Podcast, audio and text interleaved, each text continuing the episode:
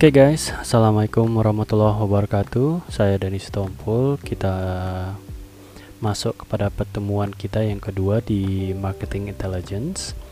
Nah, uh, materi kuliah kita hari ini adalah mengenai Marketing Information Systems. Nah, kita akan bak bakalan lihat keterkaitannya dengan Marketing Intelligence itu apa. Karena tanpa Marketing Information Systems ini sendiri kita nggak bisa menggather information-information yang bakalan kita gunakan untuk di dalam marketing intelligence itu sendiri. Nah, uh, ada beberapa learning objectives kita pada pertemuan hari ini. Pertama, untuk memahami apa sih sebenarnya marketing information systems itu sendiri, marketing intelligence, market research, competitors marketing advantage, and environment itu sendiri. Jadi di dalam pertemuan ini kita bakalan lihat dan memahami uh, berbagai informasi-informasi itu. Baru baru uh, understand the value and benefits of marketing information systems. Kita lihat ya nilai dan benefit kegunaan daripada uh, sistem informasi pemasaran itu sendiri. Understand the sources of information. Lalu uh, di situ kita akan memahami dari mana sih sebenarnya kita bisa mendapatkan data-data uh, yang kita perlukan untuk uh, marketing intelligence itu sendiri. To understand the structure of marketing information systems dan pada akhirnya mengapa sih kita harus memiliki sebuah marketing intelligence system itu sendiri. Karena pada akhirnya tanpa itu semua uh, apa yang akan dilakukan oleh si pemimpin perusahaan baik itu manager mau itu uh, CEO atau sampai ke ke supervisor sendiri uh, mengumpulkan informasi itu pada akhirnya untuk melakukan decision making atau pengambilan keputusan. Oke, okay? so let's get into it.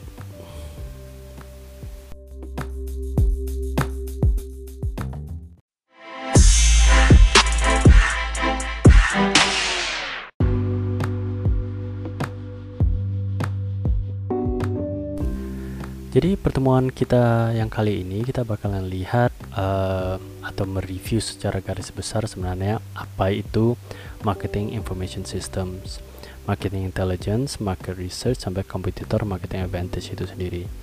Nah untuk pertama sekali kita harus tahu dulu uh, apa sih sebenarnya marketing information systems itu. Kalau uh, menurut Philip Kotler uh, sebuah perusahaan a market oriented firm, sebuah perusahaan yang sangat berorientasi kepada marketnya atau pasarnya, harus memiliki pengetahuan mengenai konsumer dan pasar yang dia uh, operasikan, yang berada dia, dia uh, di bidang operasi dia itu sendiri. Tanpa itu, dia tidak akan mengetahui uh, bagaimana atau apa saja kebutuhan si konsumernya dan bagaimana si market uh, memahami atau menanggapi dari uh, goods or services yang dia tawarkan. Phil Kotler juga di 2001 bilang bahwasannya an approach marketing information system through a continuing and interacting structure of people, equipment, and procedures used to gather, sort, analyze, and disseminate permanent, timely, and accurate information for the use of marketing planning sama implementation control. Jadi, data-data yang diambil, yang didapat untuk uh, mark, uh, pengambilan keputusan itu sendiri, itu harus digather, harus disort. Jadi, berbagai banyak data-data yang diambil itu tidak bisa langsung kita menganalisa harus kita pisah-pisahkan ke dalam bidangnya masing-masing. Mana yang bisa kita analyze di tempat yang sama sehingga pada akhirnya uh, akurasi daripada informasi-informasi yang kita akan gunakan itu pada pada akhirnya itu akan berguna untuk marketing plannya uh, ke depan dan juga bagaimana mengontrol uh, cara mengimplementasikan setiap perencanaan-perencanaan yang kita ingin lakukan. Jadi sebenarnya marketing information system itu bisa dideskripsikan sebagai sebuah effort yang sangat formal bagi si man, uh, manajemen untuk mensistemasikan the flow of informationnya. Jadi uh, al aliran atau al aliran daripada informasi yang diperlukan supaya sebu seorang marketer kalian sendiri bisa pada akhirnya menggunakan informasi-informasi yang sudah kalian dapatkan untuk kebutuhan perusahaan ke depannya.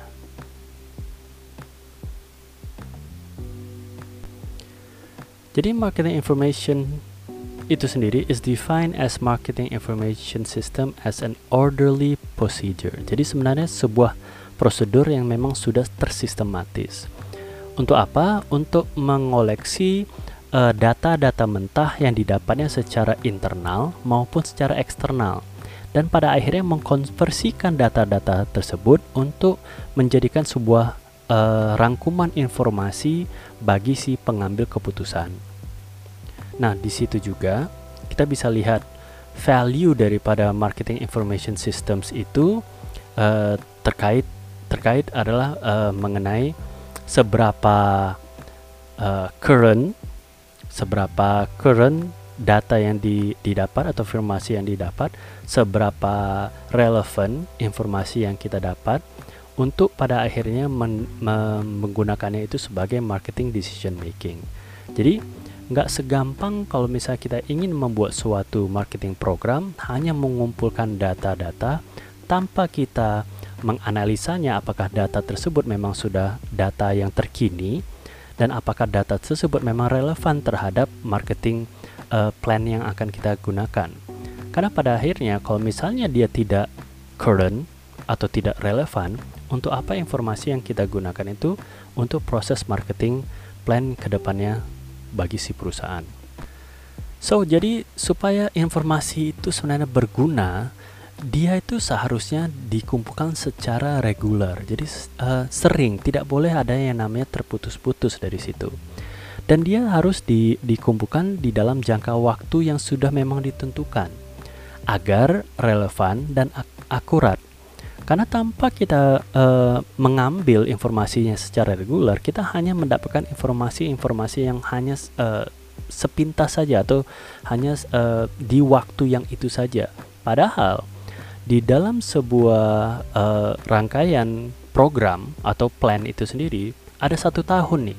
Kalau misalnya kita tidak bisa mengumpulkan data itu selama setahun, kita sebenarnya nggak tahu kenapa sebuah angka penjualan misalnya naik atau sebuah angka penjualan itu menurun.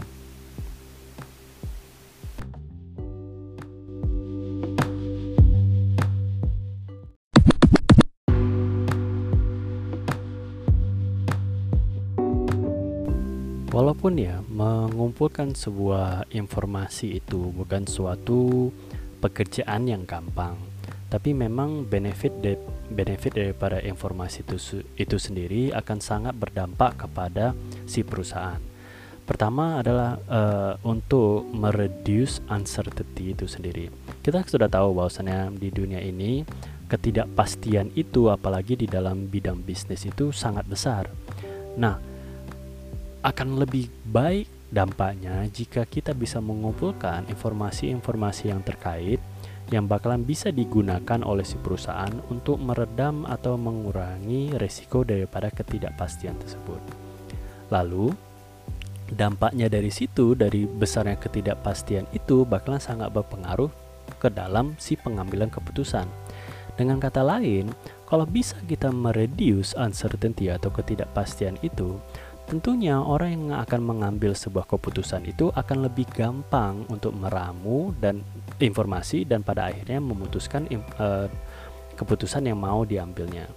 Dan itu sendiri pada akhirnya akan berdampak kepada si perekonomiannya, perekonomian si perusahaan atau bahkan perekonomian sebuah negara.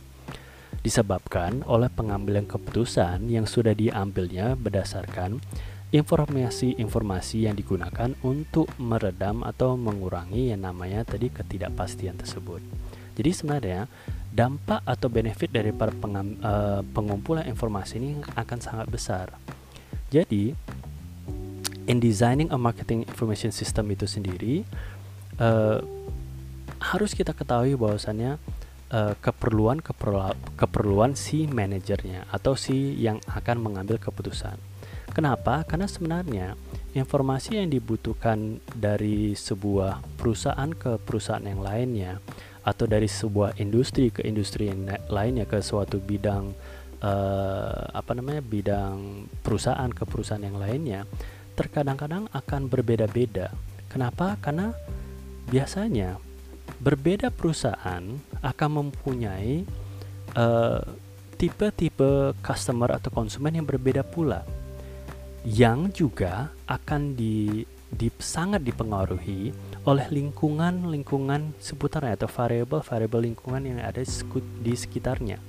Sehingga kalau misalnya kita pukul rata kita uh, istilahnya menganggap semua sama pasar tersebut bisa jadi pengambilan keputusan si manajer yang akan mengambil keputusan itu akan mengambil keputusan yang salah atau dia kebingungan bagaimana mengambil sebuah keputusan karena dia harus tahu bahwasannya dari sebuah perusahaan ke perusahaan yang lainnya dari industri ke industri yang lainnya bakalan memiliki tipe-tipe customer yang akan berbeda-beda yang akan mem memiliki variable-variable uh, lingkungan yang berbeda-beda yang pada akhirnya membeli sesuatu itu karena karena uh, suatu keputusan yang berbeda pula.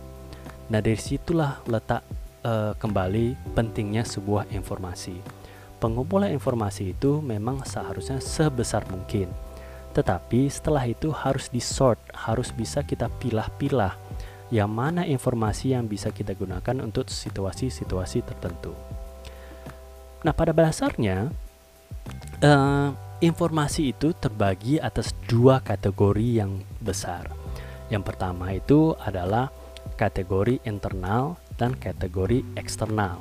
Nah, sebenarnya seharusnya kalian sudah mengetahui apa perbedaan antara internal dan eksternal uh, information itu sendiri karena di dalam pemasaran pasti sudah di, di, diungkapkan di prinsip-prinsip pemasaran. Nah, kita akan mem, me, lebih melihatnya dari garis besarnya aja, pengumpulan informasi tersebut. Nah, apa-apa saja sih yang akan uh, seharusnya kita kumpulkan. Pertama adalah sales data. Jadi sales data untuk apa? Sales data untuk uh, informasi perusahaan. Jadi sales data dari perusahaan sendiri sama dengan sales data untuk si kompetitor-kompetitor kita. Jadi terakhirnya kita harus menganalisis sebenarnya dari distributor, dari wilayah sampai kepada customer groups, bagaimana sih uh, apa namanya perjuangan atau hasil daripada sales data kita.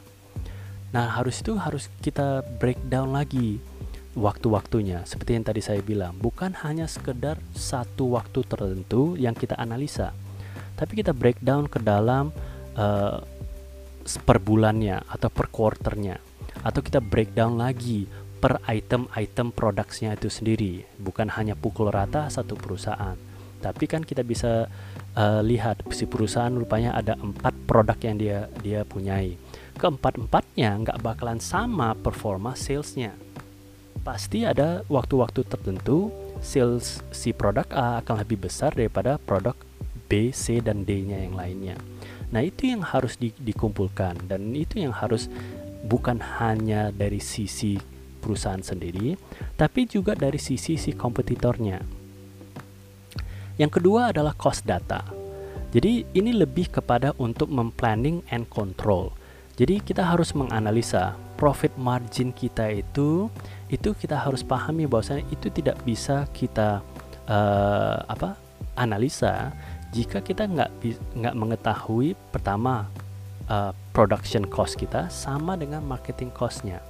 Jadi profit margin itu harus kita tahu, oke okay, cost untuk me membuat suatu uh, produk dengan uh, berapa yang kita jual dari situlah kita bisa menganalisa apakah ke secara finansial kita sudah bergerak ke arah yang lebih baik atau tidak? Jadi ada dua hal yang harus dilihat. Pertama dari sisi si productionnya. Dari sisi si productionnya berapa biaya untuk membuat suatu produk berapa kita jual di pasar tersebut berapa keuntungannya. Begitu juga dengan marketing costnya. Berapa besar uh, biaya yang kita keluarkan di saat kita melakukan marketing produk A tersebut dibanding dengan berapa penjualan uh, si produk A tersebut sebanding atau tidak. Jadi kalau misalnya lebih besar biaya marketing daripada biaya penjualan suatu produk, itu bisa dikatakan bahwa marketing plan-nya itu tidak berhasil. Yang ketiga, market data.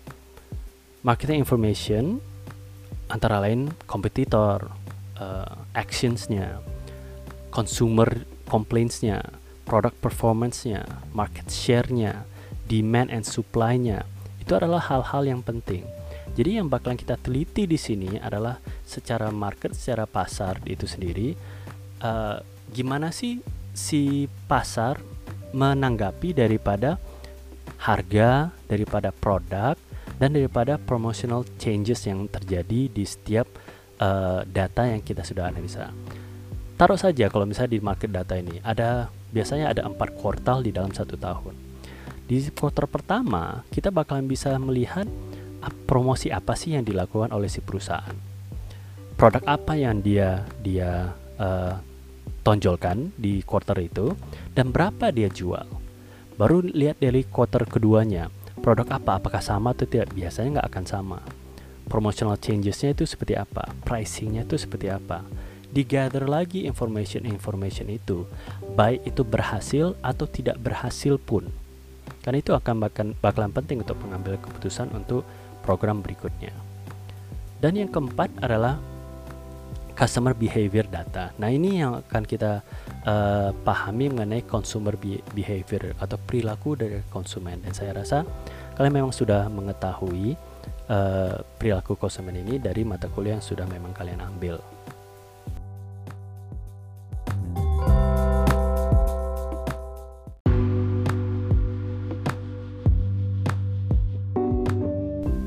Setiap perusahaan sebenarnya menginginkan uh, hal ini bahwasanya dia ingin tahu siapa sih sebenarnya uh, customer consumer dia yang saat ini dan siapa sih sebenarnya uh, potensial customer yang dia punyai mengapa kapan bagaimana uh, berapa sering dia membeli uh, sampai kepada uh, seberapa niat sih sebenarnya dia ingin mempercis atau membeli suatu barang atau uh, services yang kita tawarkan. Dari situ juga perusahaan selalu ingin mengetahui uh, distribution daripada si customer itu sendiri, baik dari uh, umurnya, uh, social classnya, uh, pekerjaannya, uh, seksnya, martial statusnya, lifestyle dia, uh, apakah dia berpendidikan atau tidak, apakah dia itu seorang pekerja kantoran atau tidak, atau justru adalah pebisnis dan sebagainya. Sehingga biasanya banyak sekali perusahaan-perusahaan yang sekarang ada di di dunia sudah mendevelop suatu marketing information system yang langsung memprovide manajemen manajemennya itu dengan uh, sebuah detail-detail data yang sangat cepat apa yang diinginkan oleh si customer, preference-nya sampai kepada perilakunya itu sendiri. Contohnya Coca-Cola. Nah, Coca-Cola tahu kita bahwasanya kita itu suka uh, saat meminum Coca-Cola, uh, Coca-Cola yang dingin kita suka menaruhkan es sekitar 3 atau sampai 4 uh, eh, ice cubes di dalam gelas itu. Uh, kita juga bisa lihat bahwasannya kita suka sekali melihat iklan Coca-Cola yang uh, menggambarkan Coca-Cola itu keluar daripada vending machines-nya. Uh, kita juga tahu bahwasanya Coca-Cola yang pas adalah Coca-Cola itu yang sekitar uh, eh, 15 sampai 16 derajat Celcius.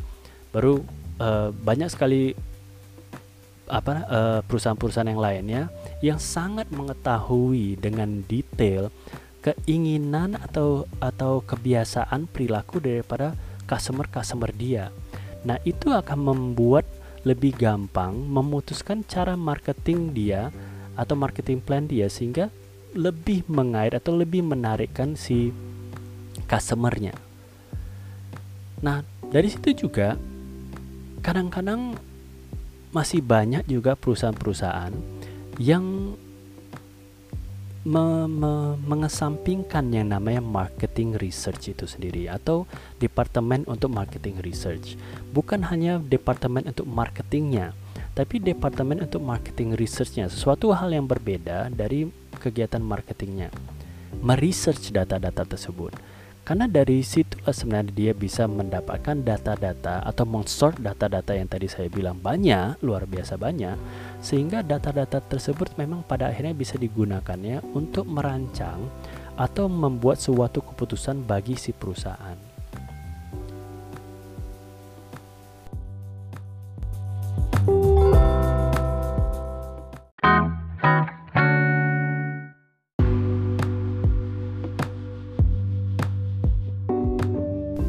Jadi secara garis besar uh, kita bisa lihat si perusahaan memerlukan uh, sales atau revenue atau apa pun yang uh, yang akan uh, dinaikkannya penjualan dan sebagainya ke dalam uh, pencapaian si company itu secara keseluruhan.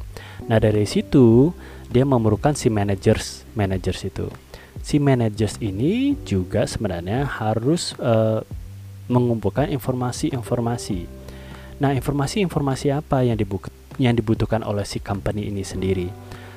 Nah, si manager dia juga membutuhkan uh, keperluan dia juga ada kebutuhan-kebutuhan. Begitu juga informasi-informasi yang dikumpulkan, ada kebutuhan-kebutuhan. Misalnya gini, informasi informasi terkait dengan customer atau konsumen itu sendiri. Konsumen itu memiliki kebutuhan-kebutuhan. Kebutuhan apa itu? Itu yang harus dikumpulkan dari informasi-informasi yang sudah di, di, di gather itu sendiri. Manager juga memiliki kebutuhan. Kebutuhan apa? I, uh, manager itu membutuhkan informasi-informasi yang tepat, yang sudah terseleksi, yang sudah disort, yang sudah uh, dirangkai ke dalam suatu bentuk informasi secara sistematis yang pada akhirnya bisa uh, dimasukkan ke dalam marketing information systems. Nah, marketing information systems ini bisa dengan sistematis mengumpulkan semua data-data tersebut sehingga bisa merangkum suatu database yang untuk keperluan si company tersebut. Yang pada akhirnya memimpin sebuah company itu bisa memutuskan suatu rangkaian uh, decision making yang akan mem, uh, mem, membuat untung si perusahaan. Nah, ya, dari situ sendiri kita juga harus mengetahui MIS atau Marketing Information System itu harus bisa menjawab beberapa pertanyaan-pertanyaan ini, termasuk what decisions do you regularly make. Jadi sebenarnya uh, si MIS itu sendiri harus bisa menjawab kira-kira uh, keputusan-keputusan apa sih yang biasanya diambil oleh seseorang itu baik itu manajer konsumen, atau siapa pun yang berada di dalam lingkungan internal dan eksternal daripada si perusahaan. Terus harus mengetahui what information do you, do you need untuk men, uh, uh, memutuskan keputusan itu. What information do you regularly get? Informasi apa yang biasa dibutuhkan? Apakah informasi yang memang sudah dibutuhkan itu sudah cukup atau justru uh, masih kurang? Uh, special studies uh, untuk secara periodikalnya informasi uh, informasi uh, information information yang uh, tidak didapat sekarang sampai kepada uh, yang paling terakhir what are the four most useful improvements that could be made in the present marketing information? Jadi sampai kepada perbaikan-perbaikan uh, untuk si MIS-nya itu sendiri atau marketing information systems itu sendiri. Jadi sebuah MIS itu seharusnya sistemnya itu bisa menjawab uh, pertanyaan-pertanyaan ini. Jadi bukan hanya sebuah sistem yang biasa saja atau memang uh, uh, tapi memang memiliki banyak sumber data-data yang luar biasa besar apalagi di zaman sekarang.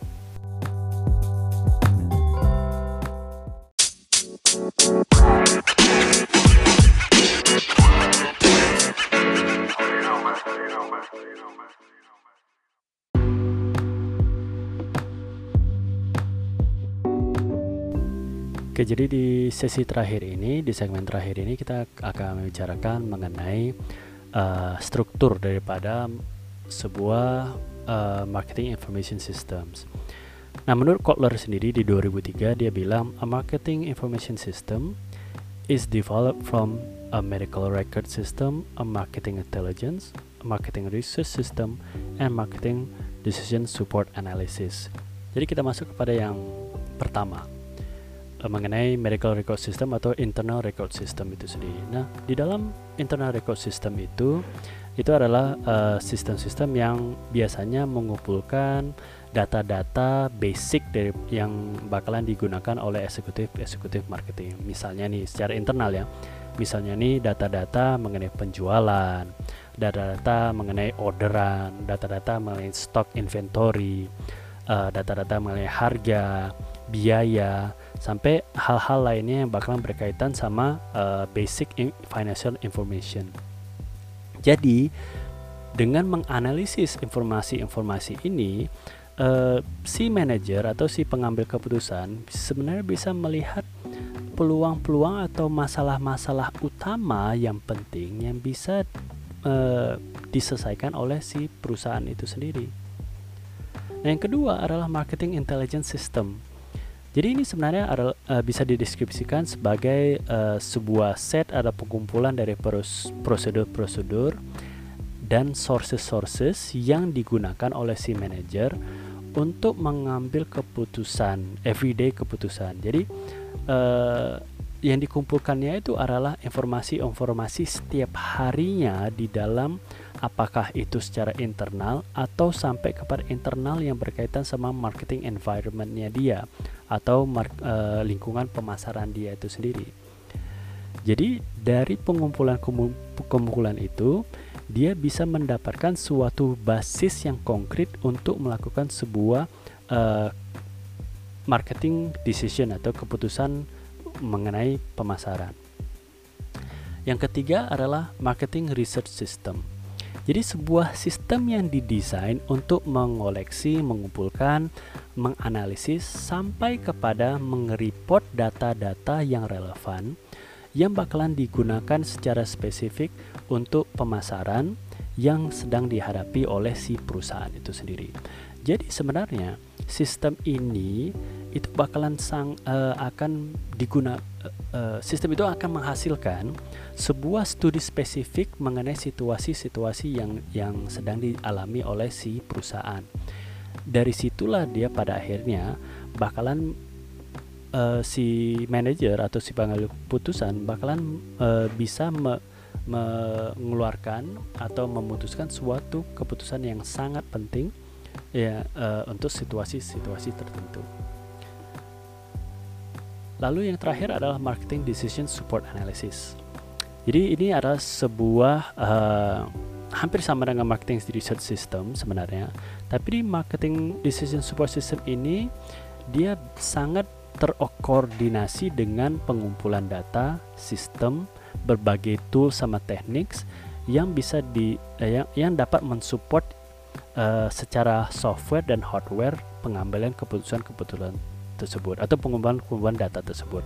Jadi data-data yang dia dia kumpulkan pada akhirnya itu bisa di uh, dirangkainya ke dalam sistem software tersebut sehingga sistem software itu bisa membantu dia dalam uh, melihat data-data mana yang bakalan lebih baik dalam pengambilan keputusan itu.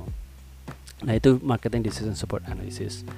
Nah, tentunya karena kita ber, berkaitan sama mata kuliah ini berkaitan sama marketing intelligence, kita akan lebih ke uh, memfokuskan diri kepada marketing intelligence system itu sendiri.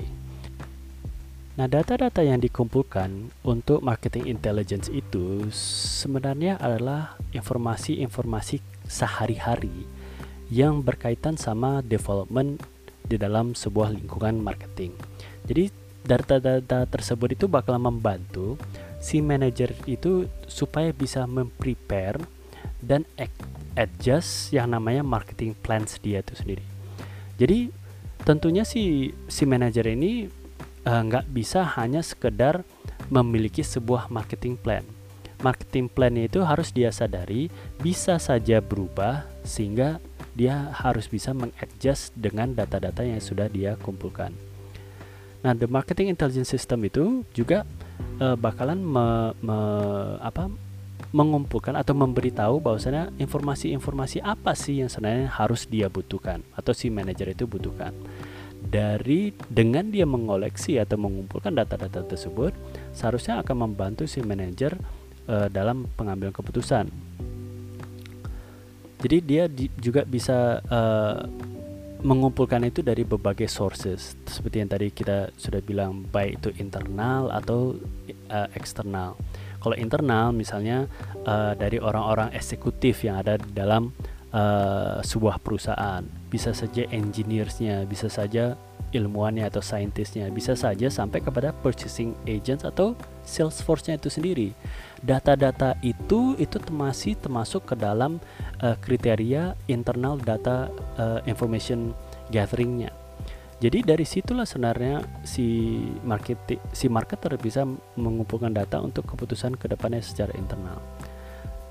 Tapi juga uh, harus diketahui kalau di di dalam perusahaan secara internal itu harus dipastikan bahwasannya uh, di saat pengumpulan data-data dari para personal-personal yang ada di dalam suatu perusahaan, dia juga harus ibaratnya uh,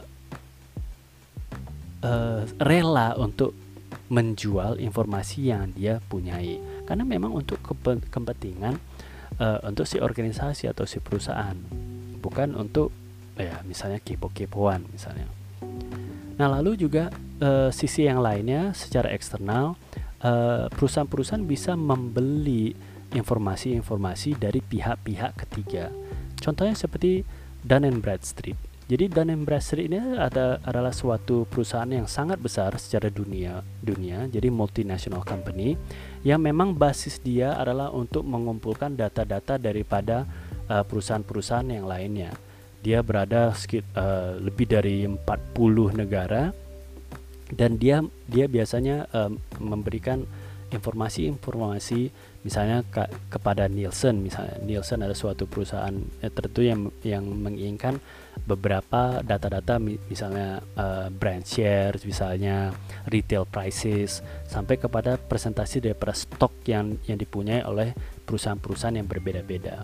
Jadi data-data eksternal itu sendiri itu juga bakalan menjadi suatu data-data penting yang harus bisa dirangkum oleh si marketer untuk ke, uh, kembali lagi untuk membantu dia membuat suatu keputusan uh, untuk kepentingan si perusahaan dia sendiri.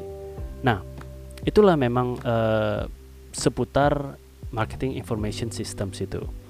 Marketing intelligence can work not only for you but also against the company. Nah, itu dari sisi negatifnya. Kita harus tahu benar bahwa marketing intelligence selain bisa bekerja baik untuk diri kita atau perusahaan kita, tapi juga bisa backfire dengan cara apa?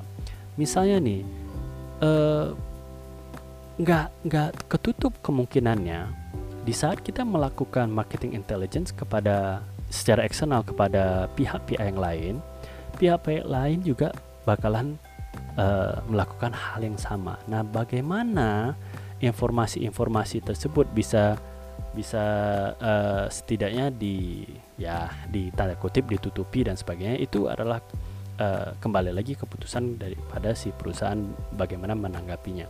Ada juga perusahaan-perusahaan yang sangat open, nggak terlalu peduli dia dengan uh, ada pihak-pihak lain yang melihat dari cara kerja perusahaan dia, dia, dia. Ada juga yang sangat tertutup. Jadi tergantung sama si perusahaan sendiri. Nah itu memang materi-materi kita yang uh, ada di uh, kesempatan kita di kali ini. Nah tugas kita sangat sederhana. Jadi mengenai gathering information juga. Uh, sangat gampang. Saya tahu bahwasannya kalian juga sudah memiliki perusahaan atau bisnis yang kalian sudah uh, jalankan nah karena kita bicara soal pengumpulan informasi dari tadi. Yang harus kalian kumpulkan pertama adalah mengumpulkan informasi secara internal dan eksternal. Informasi-informasi apa saja yang kalian kumpulkan? Yang pertama, sales datanya. Yang kedua, cost datanya. Yang ketiga, market datanya. Yang keempat itu customer behavior datanya. Oke. Okay jadi empat informasi itu harus bisa kalian kumpulkan. Nah, secara internalnya seperti apa? Berarti secara internalnya bisnis kalian data-data salesnya itu apa, data-data cost datanya itu apa-apa saja, data-data market datanya itu apa saja, sampai kepada customer behavior datanya itu seperti apa. Lalu secara eksternal, biasanya harus 3 sampai 6 kompetitor. Ini saya hanya minta satu kompetitor saja. Kalian langsung mengambil satu kompetitor yang sangat dekat dengan bisnis Anda, lalu gather information atau uh, mengambil informasi data-data yang empat tadi, sales data kompetitor kalian, cost data kompetitor kalian, market data kompetitor kompetitor kalian, sampai kepada customer behavior data kompetitor kalian sendiri. Oke, okay. uh, eh, bagaimana mengumpulkannya? Itu sebenarnya uh, terserah daripada kalian. Mau kalian langsung da datang ke komputer itu untuk bertanya atau bertelepon, atau kalian bisa menganalisanya itu bakalan uh, saya uh, bebaskan untuk kalian. Karena sebagai mark seorang marketer, kalian harus bisa mencari celah-celah bagaimana bisa mendapatkan informasi-informasi yang kalian butuhkan untuk pengumpulan-pengumpulan data bagi uh, pada akhirnya untuk kepentingan perusahaan dalam mengambil sebuah keputusan. Oke, jadi itu tugasnya. Itu saja pertemuan kita hari ini. Semoga bermanfaat. Uh, selamat sore. Assalamualaikum warahmatullahi wabarakatuh.